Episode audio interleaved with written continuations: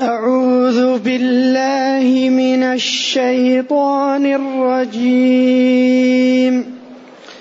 إن الله اشترى من المؤمنين أنفسهم وأموالهم وأموالهم بأن لهم الجنة.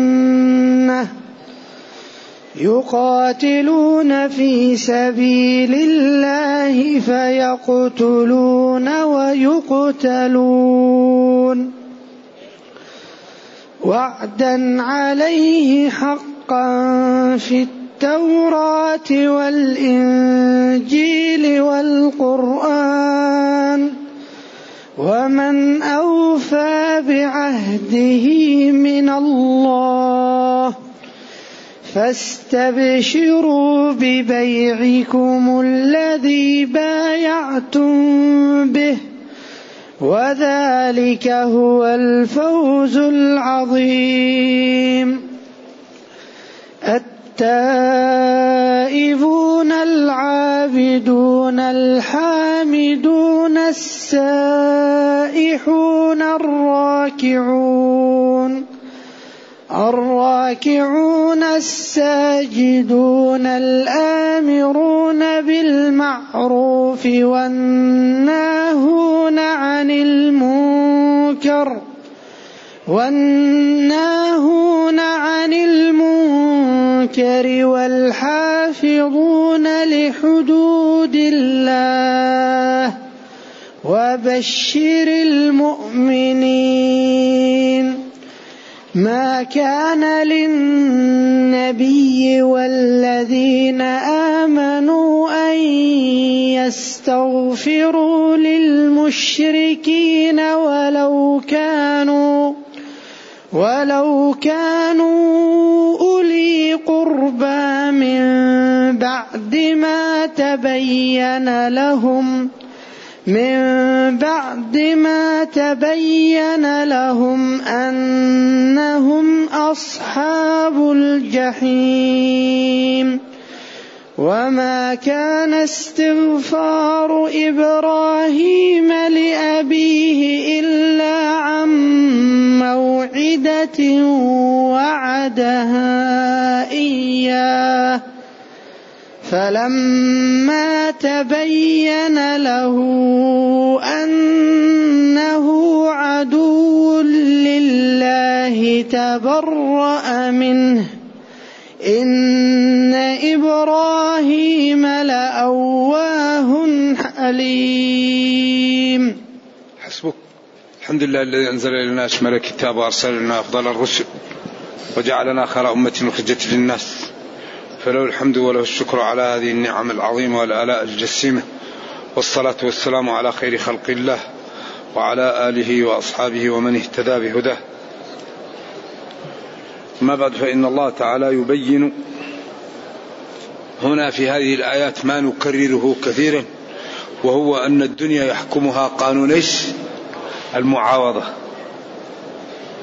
إن الله اشترى إن الله لا غيره. اشترى من المؤمنين لا غيره لا غيرهم إذا هذه الصفقة ينبغي أن يجعلها كل من يريد الجنة نصب عينيه. مهم هذا المقطع في غاية الأهمية. إن الله لا غيره. اشترى من المؤمنين لا غيرهم. إذا هذه صفقة والبيع مبادلة سلعة أو منفعة بسلعة أو منفعة. وهذا من الله. إن الله. إن. بعدين جعل الكلام مؤكد كأن المخاطب يشك. لأنه أول قال انفروا خفافا وثقالا وجاهدوا بأموالكم. وهاجروا وجاهدوا بأموالهم وأنفسهم. قل إن كان آباؤكم وأبناؤكم. بعدين آيات كثيرة. هنا وضح إن الله اشترى. إن حرف توكيد. الله المعبود بحق. الشراء هنا كأنه آه، يعني جعل أن الإنسان يعطي ماله ونفسه. والله يعطيه الجنة كمن يبيع سلعة بسلعة. فالذي يعطيك الله الجنة والتي تعطي أنت نفسك ومالك. إذا هذه صفقة بعدين الجنة غالية. والدنيا ابتلاء. كل كل أمور الدنيا ابتلاءات. نبينا صلى الله عليه وسلم وصل الأربعين بين قومه يقولون له الأمين. بعدين قال له قم. وكل بيئتهم وعبادتهم. كلها انسفها وقول لهم هذا ضلال. بعدين أول من قام عليه أعمامه وعشيرته وقفوا في وجهه. كيف آبائنا وأجدادنا وديننا وتسفه أحلامنا. الدين كله فتنة.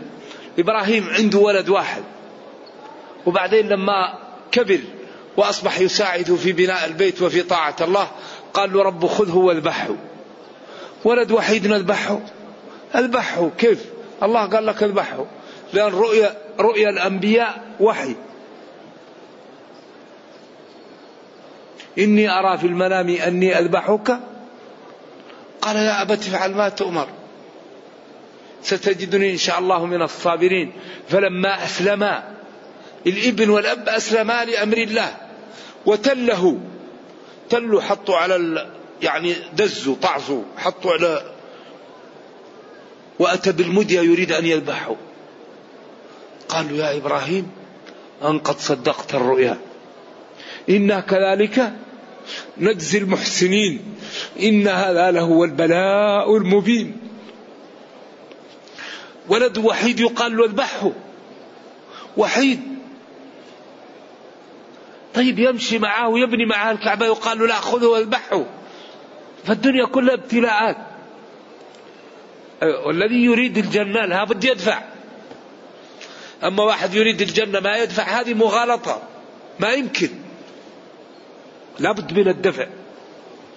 لذلك الله يقول إن الله اشترى. من المشتري؟ الله. من البائع؟ المؤمن. يدفع نفسه ماله الله يعطيه الجنة. إذا هذا واضح. لكن الله تعالى لما جعل هذه الصفقة هو اللي أعطاك رأس المال وهو اللي أعطاك التصرف وهو اللي أعطاك ما أنت فيه فالثمن والمذموم منه جل وعلا.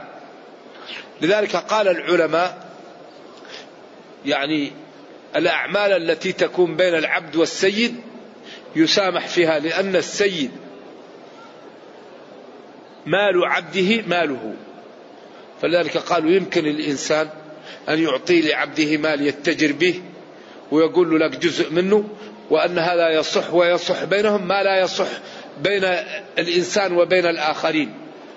لأن العبد ماله ونفسه لسيده. فهنا قال إن الله اشترى من المؤمنين. بعدين أنفسهم وأموالهم بأن لهم الجنة. ما قال بالجنة بأن لأن لأن البيع هنا يشبه السلم. في شبه من السلم. لأنك أنت الآن يعني تبذل شيء وبعدين تنال الجنة بعدين. كأنك أنت الآن كأنه في نوع من السلم. ولذلك جاء التعبير بقوله بأن لهم الجنة. ما قال بالجنة. قال بأن لهم الجنة. لأنها عبارة عن صفقة سلم. والسلم أن تسلم إيش؟ الثمن وبعدين تأخذ المثمن بعدين. فالثمن هو النفس والمال والمثمن الجنة تأتي. لذلك قال بأن لهم الجنة. إذا كل واحد اللي يريد الجنة يبذل كل شيء بثمنه. هذه الدنيا تعطيك ما تعطيها. والمتنبي ماذا قال. قال لولا المشقة ساد الناس كلهم الجود والإقدام والسؤدد منحصر في النفس والمال. ما في طريق ثالثة للسؤدد نفسك. تتوسط للناس تعلمهم. تؤطرهم لدين الله. تدفعهم إلى طاعة الله. تبعدهم عن الشر. تحميهم من ظلم الآخرين. مالك. تبني به المساجد. تنفق به على الأيتام تبني به المساجد تصلح به ذات البين ما في طريق للجنة إلا النفس والمال. لو كان في طريق أخرى لدفعت في الجنة لأن الجنة غالية. إذا أمر واضح إن الله لا غيره. اشترى من المؤمنين لا غيرهم. الجنة. بماذا؟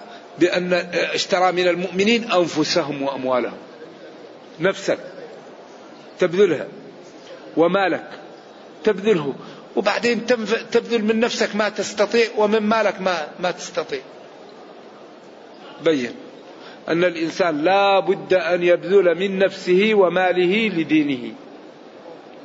فلو عاملنا ديننا كما نعامل أنفسنا وأموالنا لقوي الدين بنا. لكننا نجعل الدين مرتبة ثالثة. وهذا لا ينبغي من المسلم لا ينبغي من المسلم أن يقدم ماله ونفسه على دينه. والله جل وعلا يقول إنما أموالكم وأولادكم فتنة.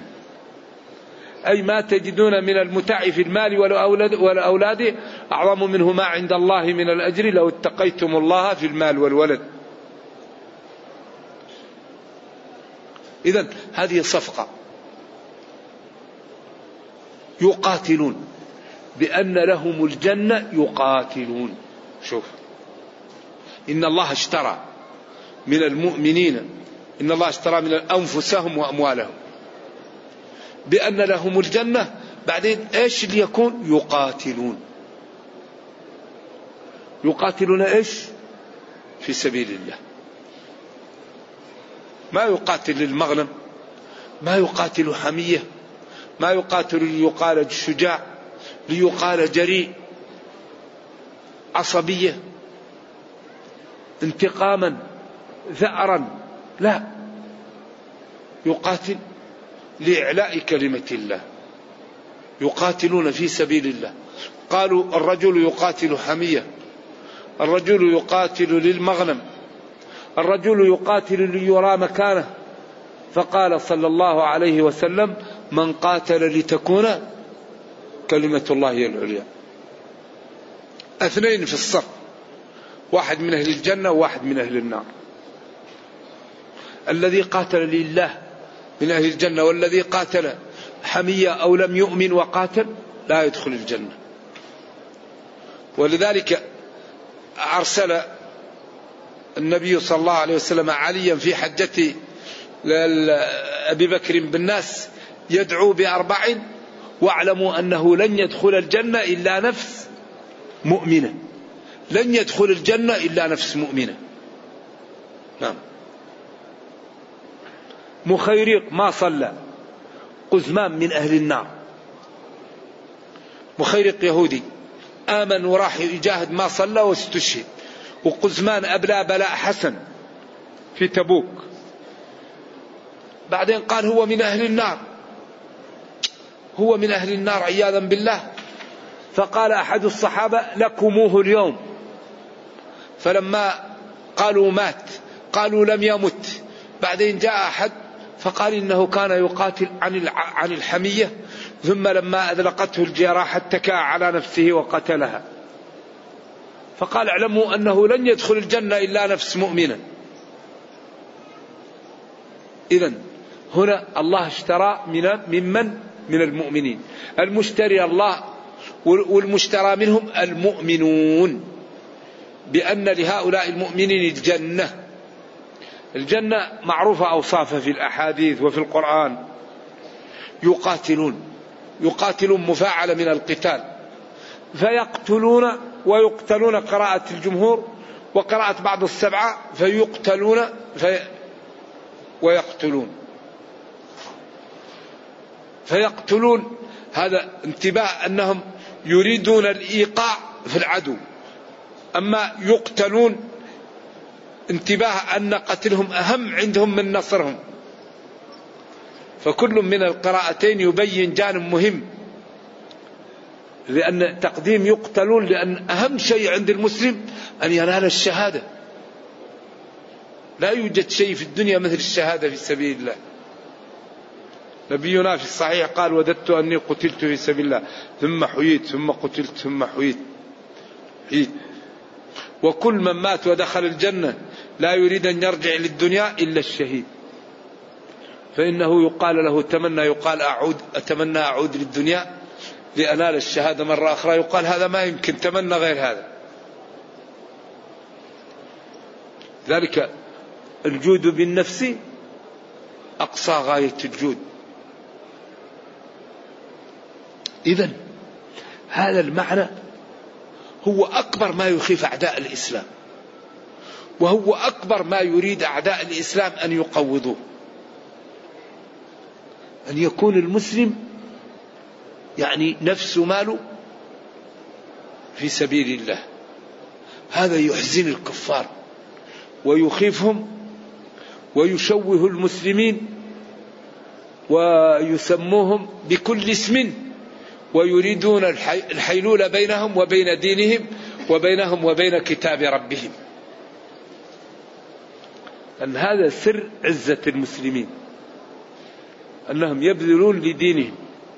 هم يبذلون للتفوق والمسلمون. لذلك أكبر شيء يعوقنا الآن ويضعفنا ما هو؟ عدم الأخذ بالأسباب. الله لما خلق الكون خلقه بماذا؟ بهذا اللي نقول اشترى قانون المعاوضة. أوفوا بعهدي أوفي بعهدكم. إن الله اشترى. فالمؤمنون لا يقومون بالأسباب والذي لا يدفع الثمن لا يأخذ المثمن لذلك الله قال اشترى. هل دفع المسلمون الثمن؟ قال ولا تنازعوا. هل كف المسلمون عن هذا النهي؟ قال وأعدوا. هل نفذ المسلمون هذا الأمر؟ اذا أكبر معوق للمسلمين هو نواهي منتهكة وأوامر معطلة. هذا الذي قوض الأمة المسلمة. أوامر معطلة لم تنفذ ونواهي منتهكه هذا الذي قوض الأمة. فإذا امتثلت الأمة الأوامر وتجنبت النواهي وقامت بالأسباب عادت على الحالة التي كانت عليها. إن الله لا يغير ما بقوم ولذلك قال أوفوا بعهدي وقال إن الله اشترى. اشترى. إذا لا بد لنا أن ندفع. الثمن لنأخذ المثمن. ولكن ندفع الثمن في ضوء الدين. لا نكون عندنا عاطفة فنعمل أشياء خطأ وننسبها للدين. لا بد أن يكون الدافع لأجل الدين وعلى علم وعلى بصيرة ويبتعد عن موارد ماذا؟ الفتن والشبه ويكون في عمله مخلصا متبعا لشرع الله واضحا عنده الأمر. أما إذا اشتبهت الأمور إيش؟ فالمسلم يبتعد. ولذلك إذا كانت الأمور مشتبهة النفس غالية الإنسان يبتعد حتى يتضح له الأمر. فلا يقدم على إيش؟ على الأمور المشتبهات. لذلك الحلال بين والحرام بين. فالمتقي يبتعد عن الشبهات. ولذلك كل مشكلة تقع بين المسلمين يحاول المسلم يبتعد حتى ينجلي له الأمور. ولذلك ربنا قال وإن طائفتان من المؤمنين اقتتلوا إيش؟ أصلحوا. هذا أمر للوجوب. الصلح ماذا يقتضي. يقتضي الجلوس على طاولة المفاوضة. فإذا جلس الناس على طاولة المفاوضة وكل أدلى بحجته وبين حججه لا بد أن يظهر الظالم من من المظلوم. فإن ظهر الظالم فلا بد أن نقف مع المظلوم حتى نرد المظلمة شوف أول قال فأصلحوا بينهما. فبعد الصلح لا بد أن يظهر الباغي من غير الباغي. لا بد بعد المفاوضات سيظهر الظالم من إيش؟ بعدين لا بد أن نقف مع المظلوم حتى نرد المظلمة. فإن ردت للمظلوم المظلمة فأصلحوا بينهما ولا يكون الظلم السابق مانعا من العدل بينهما. بعدين قال وأقسطوا إن الله ثم عاد وكرر إنما المؤمنون إخوة. بعدين كرر وأصل فأصلحوا.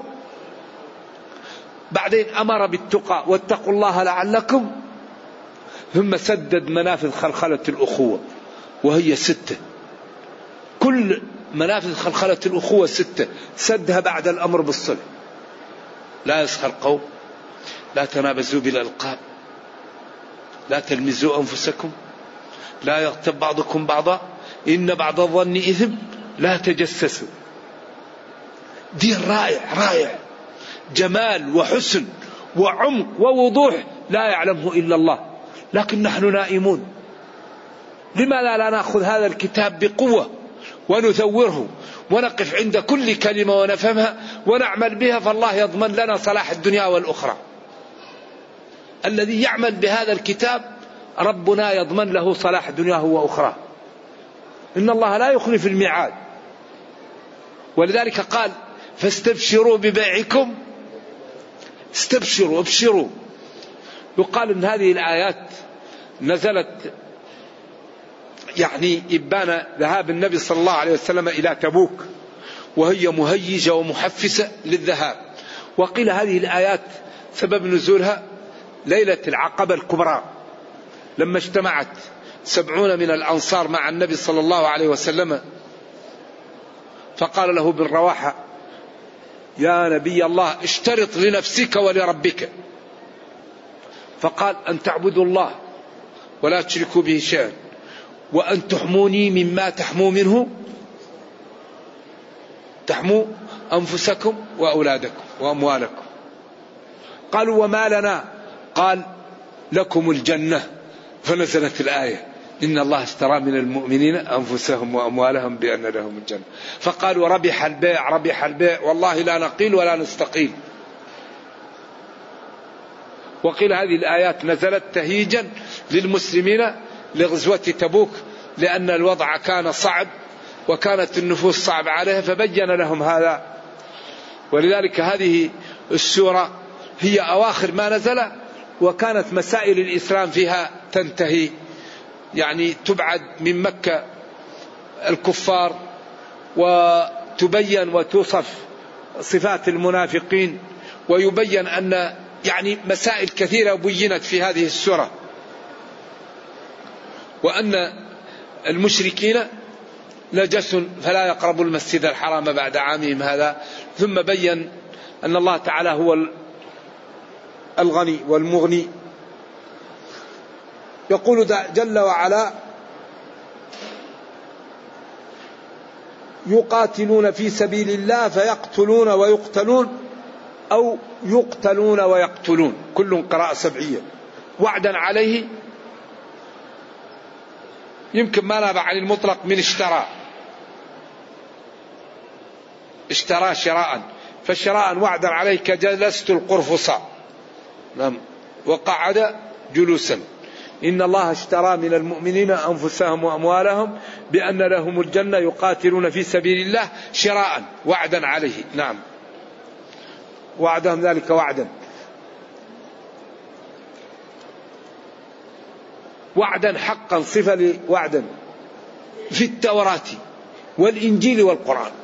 إذا هذا الشراء مثبت في الكتب الثلاث. هل المقصود بهذا أن هذا في صفات المسلمين وأن التوراة والإنجيل والقرآن بينوا هذا أو أن كمان في التوراة والإنجيل أهلها مطالبون ببيع أنفسهم لله؟ قولان للمفسرين. ومما يعضد أن هذا مقصود بهذه الأمة لأنهم قالوا ومبشرا برسول يأتي من بعد اسمه أحمد وقال ومهيمنا عليه وقال يعرفونه كما يعرفون أبناءهم فهو موصوف لهم ومأمورون باتباعه ومبينا أن هذه الأمة في التوراة والإنجيل والقرآن أنها تبيع أموالها وأنفسها بالجنة لله لإعلاء كلمة الله ولدين الله. ومن أوفى بعهده من الله. إذا لا أحد أوفى بعهده من الله فأبشروا بإنجاز وعدكم وبالصدق معكم فاصدقوا مع ربكم وابذلوا له ما طلب منكم عن طريق الحق وعن طريق الشرع وعن طريق الإنصاف لا عن طريق التهور. ولا عن طريق الشهوة ولا عن طريق الظلم عن الطريق المرسومة. ولذلك يعني كثيرا ما يقع الظلم في هذا الجانب. فلذلك لما أمر بالقتال نهى عن قتل الأولاد والنساء ونهى عن الظلم ونهى عن المثلى ونهى عن يبيت الناس ولا علم لهم. ولا يؤتى لناس حتى يدعوا اولا. يخيرون بين ثلاثة أمور. إن أرادوا الإسلام فلهم ذلك. ولهم أن يتحولوا إلى المدينة. فإن لم يريدوا فلهم ما لأعراب المسلمين. الآن يكفي الإسلام. فإن لم يريدوا فيدفعوا الجزية. يذعنوا لنظام السماء. على ما اتفق معهم المسلمون. دينار دينارين ثمانية دنانير عشرة 12 24 50 حسب غنى البلد وحسب فقره. فإن لم يريدوا فالميدان. إنك تأتي عدوك من المشركين فادعهم إلى ثلاث خصال. شهادة لا إله إلا الله وأن محمد رسول فإن أبوا فالجزية فإن أبوا فالقتال. لكن يحرم أن يبيتوا وهم لا يدرون ولا يظلمون. فإن غلبوا خير المسلمون فيهم بين السجن بالأعمال الشاقة والفداء والمن والقتل. إذا انتصروا على الأعداء مخيرون. حتى إذا أثخنتموهم فإما منا بعد وإما فداء حتى تضع الحرب أوزارها ولذلك هذا هو السجن بغير الأعمال الشاقة. فهو الذي يسمى السجن بغير الأعمال الشاقة. ولا يجوز أن يحملوا ما لا يطيقون. وبعدين فكاتبوهم إن علمتم فيهم خيرا. وهم إخوانكم خولكم جعلهم الله في أيديكم. لذلك هذا الجانب الآن لأن المسلمين أصبحوا تغلب عليهم. فوضع المسلمين وضع. لا يخفى على المسلمين ولا عليكم. نرجو الله تعالى أن يرفعهم ويعزهم. ومن أوفى بعهده من الله فاستبشروا. يعني افرحوا وتظهر البشر على وجوهكم ببيعكم الذي بايعتم به. وذلك البيع والصفقة هو الفوز العظيم. هو الذي صاحبه يأمن مما يخاف ويدرك ما يرغب. يأمن من الشيء العظيم الذي يخافه وهو النار ويدرك الشيء المرغوب العظيم الذي يريده وهو الجنة.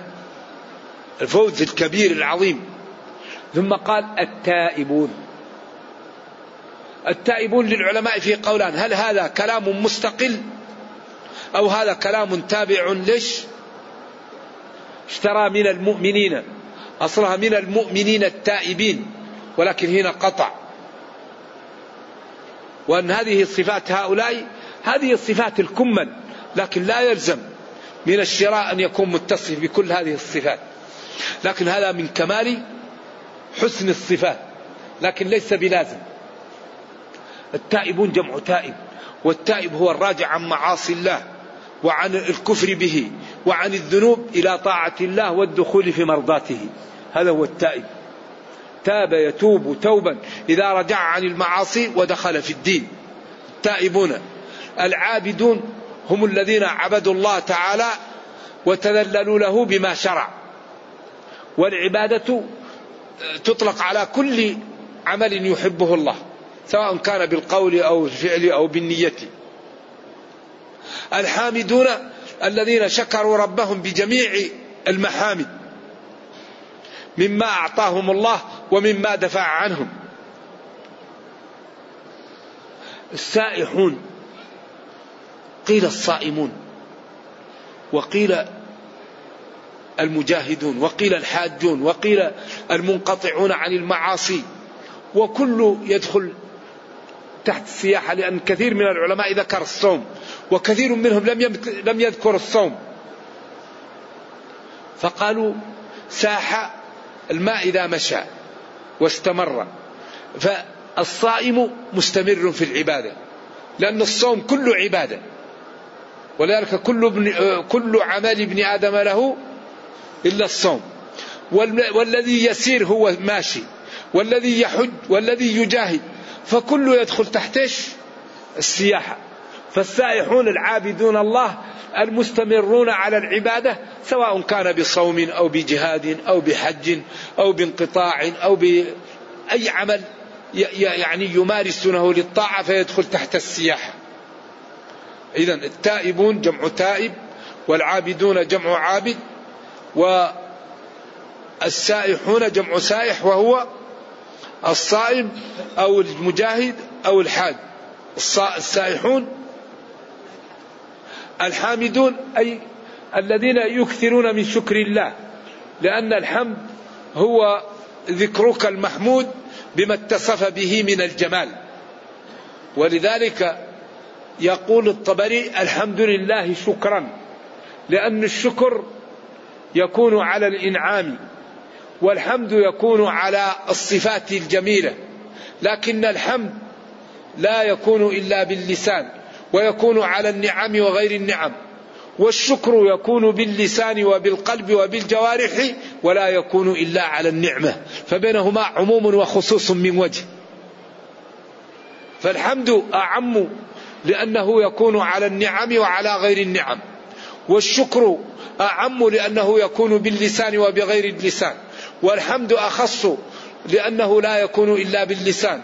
والشكر أعم لأنه يكون باللسان وبغير اللسان. فبينهما عموم وخصوص من وجه.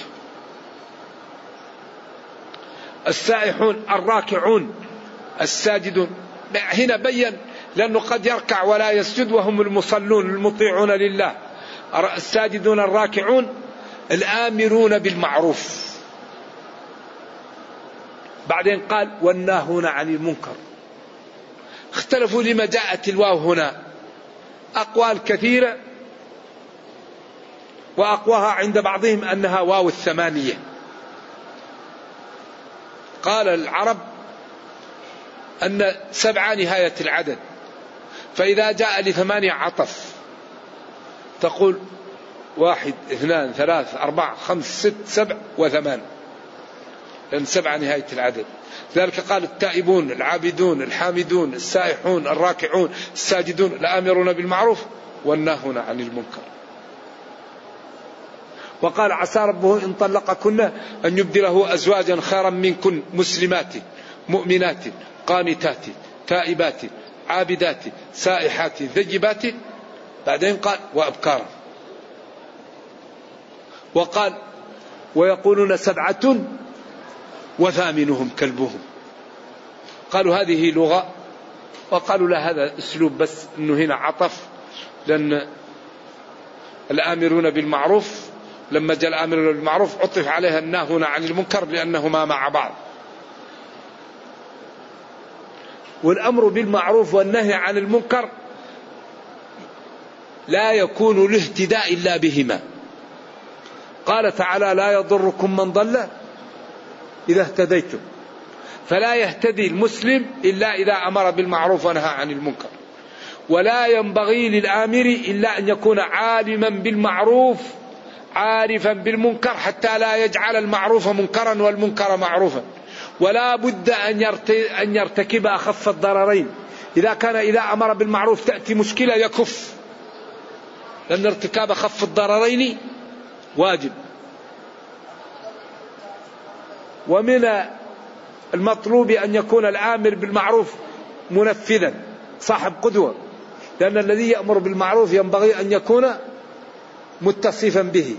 والذي ينهى عن المنكر ينبغي أن يكون تاركا له حتى يكون مدعاة للقبول.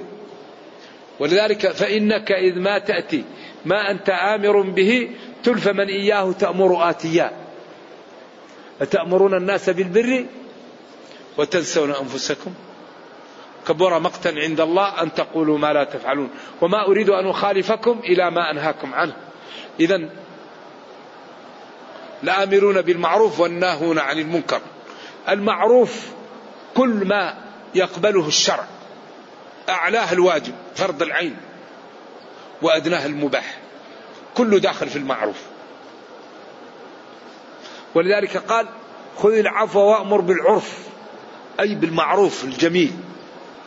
والمنكر كل ما أجمع على تحريمه هذا المنكر. أما المسائل المختلف فيها لا يقال لها منكر يقال له نصح وإرشاد وبيان وتوجيه. المسائل المختلف فيها لا تسمى منكرا وإنما المنكر ما أجمع على إنكاره.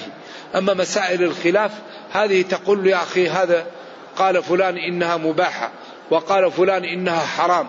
فالمسألة إذا دارت بين الحرمة والإباحة الأولى إيش؟ تركها.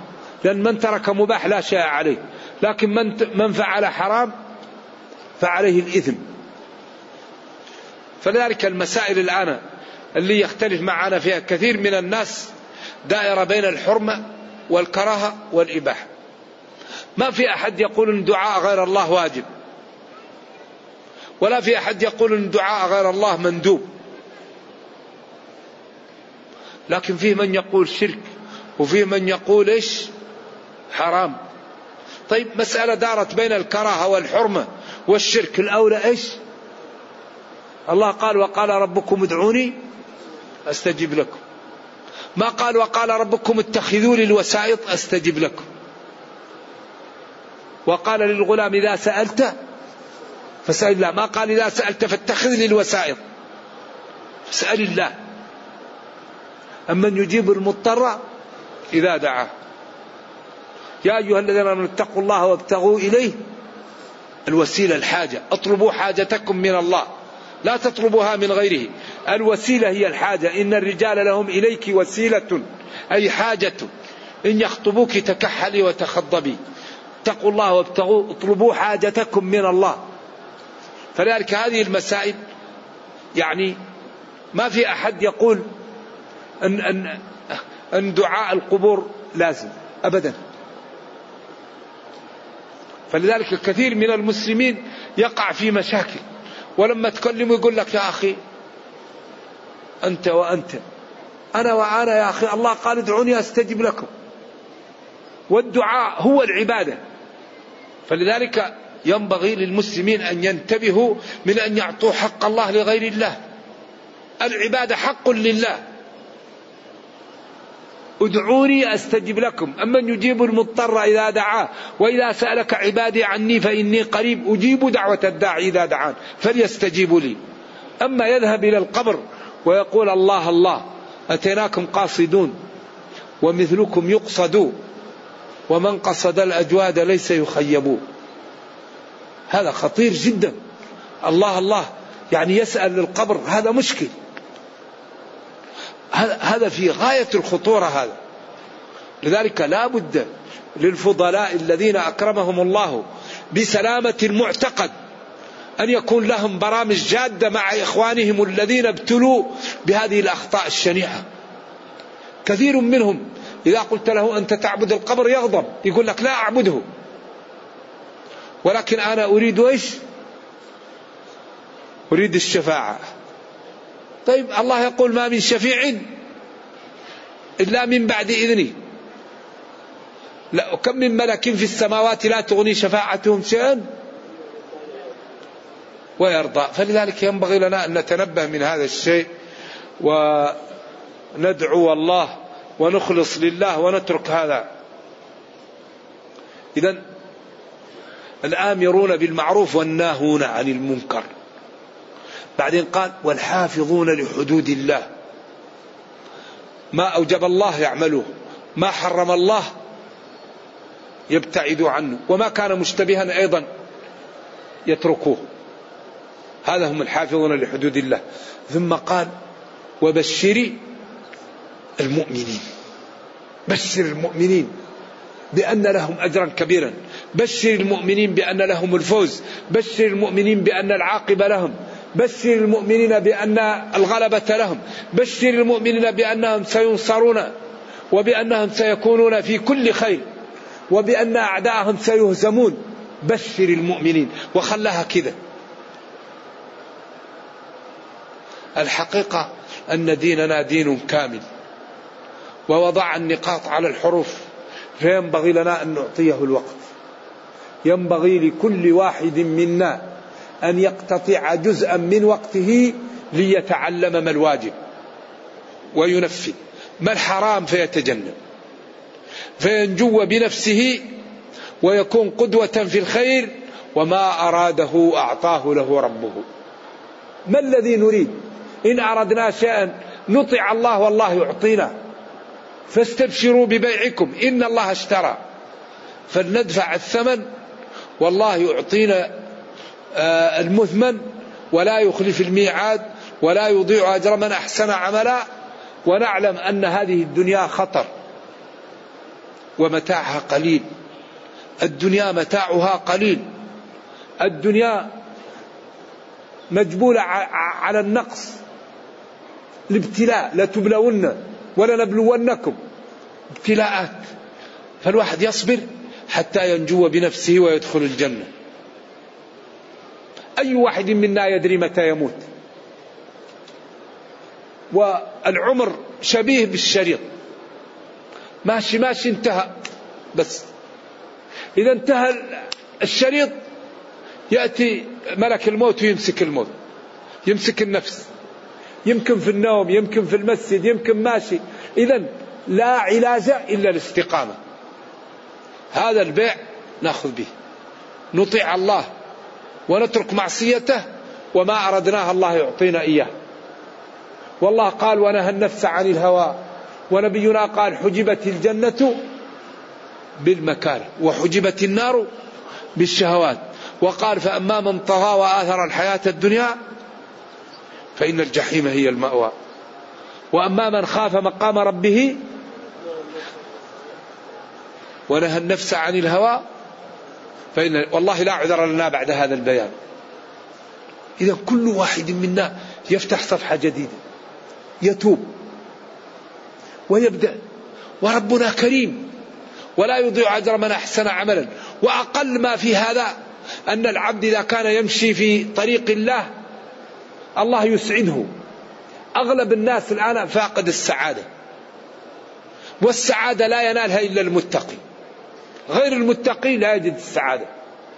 من هو من هو السعيد الذي إذا جاء وحط رأسه على الوسادة لينام فإذا هو ما كذب ما شتم ما سرق ما راب ما رمم ما أذى جيران ما عق والديه ما ظلم أحدا فينام قرير العين. أما إذا أراد أن ينام شتمت فلان وظلمت فلان وعملت صفقة ربا بالله عليكم يسعد. يبقى حياته كلها تعب لكن ينال السعادة المتقي. المتقي قرير العين دائما سعيد وفرح ومنشرح الصدر فالسعادة محصورة على الاتقياء. أما المنحرف يجد السعادة وقت الجريمة فإذا انتهى من المعصية يقع في الندم. فلذلك الحل في الاستقامة. نستقم وما أردناه يعطيه لنا ربنا. ما الذي نريد؟ مالا أغنانا جاها أعطانا عزة مكننا رفعة. خلاص الواحد يطيع الله والذي يريد يعطيه والله الله. كريم ولا يضيع أجر من أحسن عملا. ويقول فاستبشروا ببيعكم. إذا كل واحد منا يصدق مع الله وما أردناه الله يعطينا إياه ولنسدد ونقارب. ولنكرم خلق الله. نكرم الناس. الطيب نكرمه لأنه طيب والبطال نكرمه لإزالة البطالة عنه. لا بد للطيبين من إكرام جميع الناس. الطيب نكرمه لأن الله جعله طيب والطيبون يكرمون. والبطال نكرمه حتى نزيل عنه البطالة ويحبك فيعطيك أذنه فتنزع الشر وتضع الخير. فطالما استعبد الإنسان إحسانه. والله جعل جزء من مال المسلمين العام لتأليف الناس والمؤلفة قلوبهم. وبالقيس لما كانت إدارتها قوية قالت وإني مرسلة إليهم بهدية. وفي المثل اللهاء تفتح اللها اللهاء العطية الأعطية واللها الفم. الذي أعطيت له إذا رآك فتح لك ثغره وفرح بك. فلذلك نكرم الناس ونسدد ونقارب ونقبل من كل واحد ما يريد أن يقدم لدينه. ولا نحاول أن ننقب عن قلوب الناس ولا نشتمها. من أظهر الخير فنقول له جزاك الله خير ومن أظهر غير الخير الخير فننصح له ونبين له الحق بطريق جميلة وبموعظة حسنة وبأسلوب راقي. ونرجو الله جل وعلا أن يجعلنا وإياكم قدوة في الخير. اللهم اجعلنا من أئمة المتقين. اللهم اجعلنا من أئمة المتقين. اللهم أرنا الحق حقا وارزقنا اتباعه. وأرنا الباطل باطلا وارزقنا اجتنابه. وأن لا تجعل الأمر ملتبسا علينا فنضل. سبحان ربك رب العزة عما يصفون. وسلام على المرسلين. والحمد لله رب العالمين.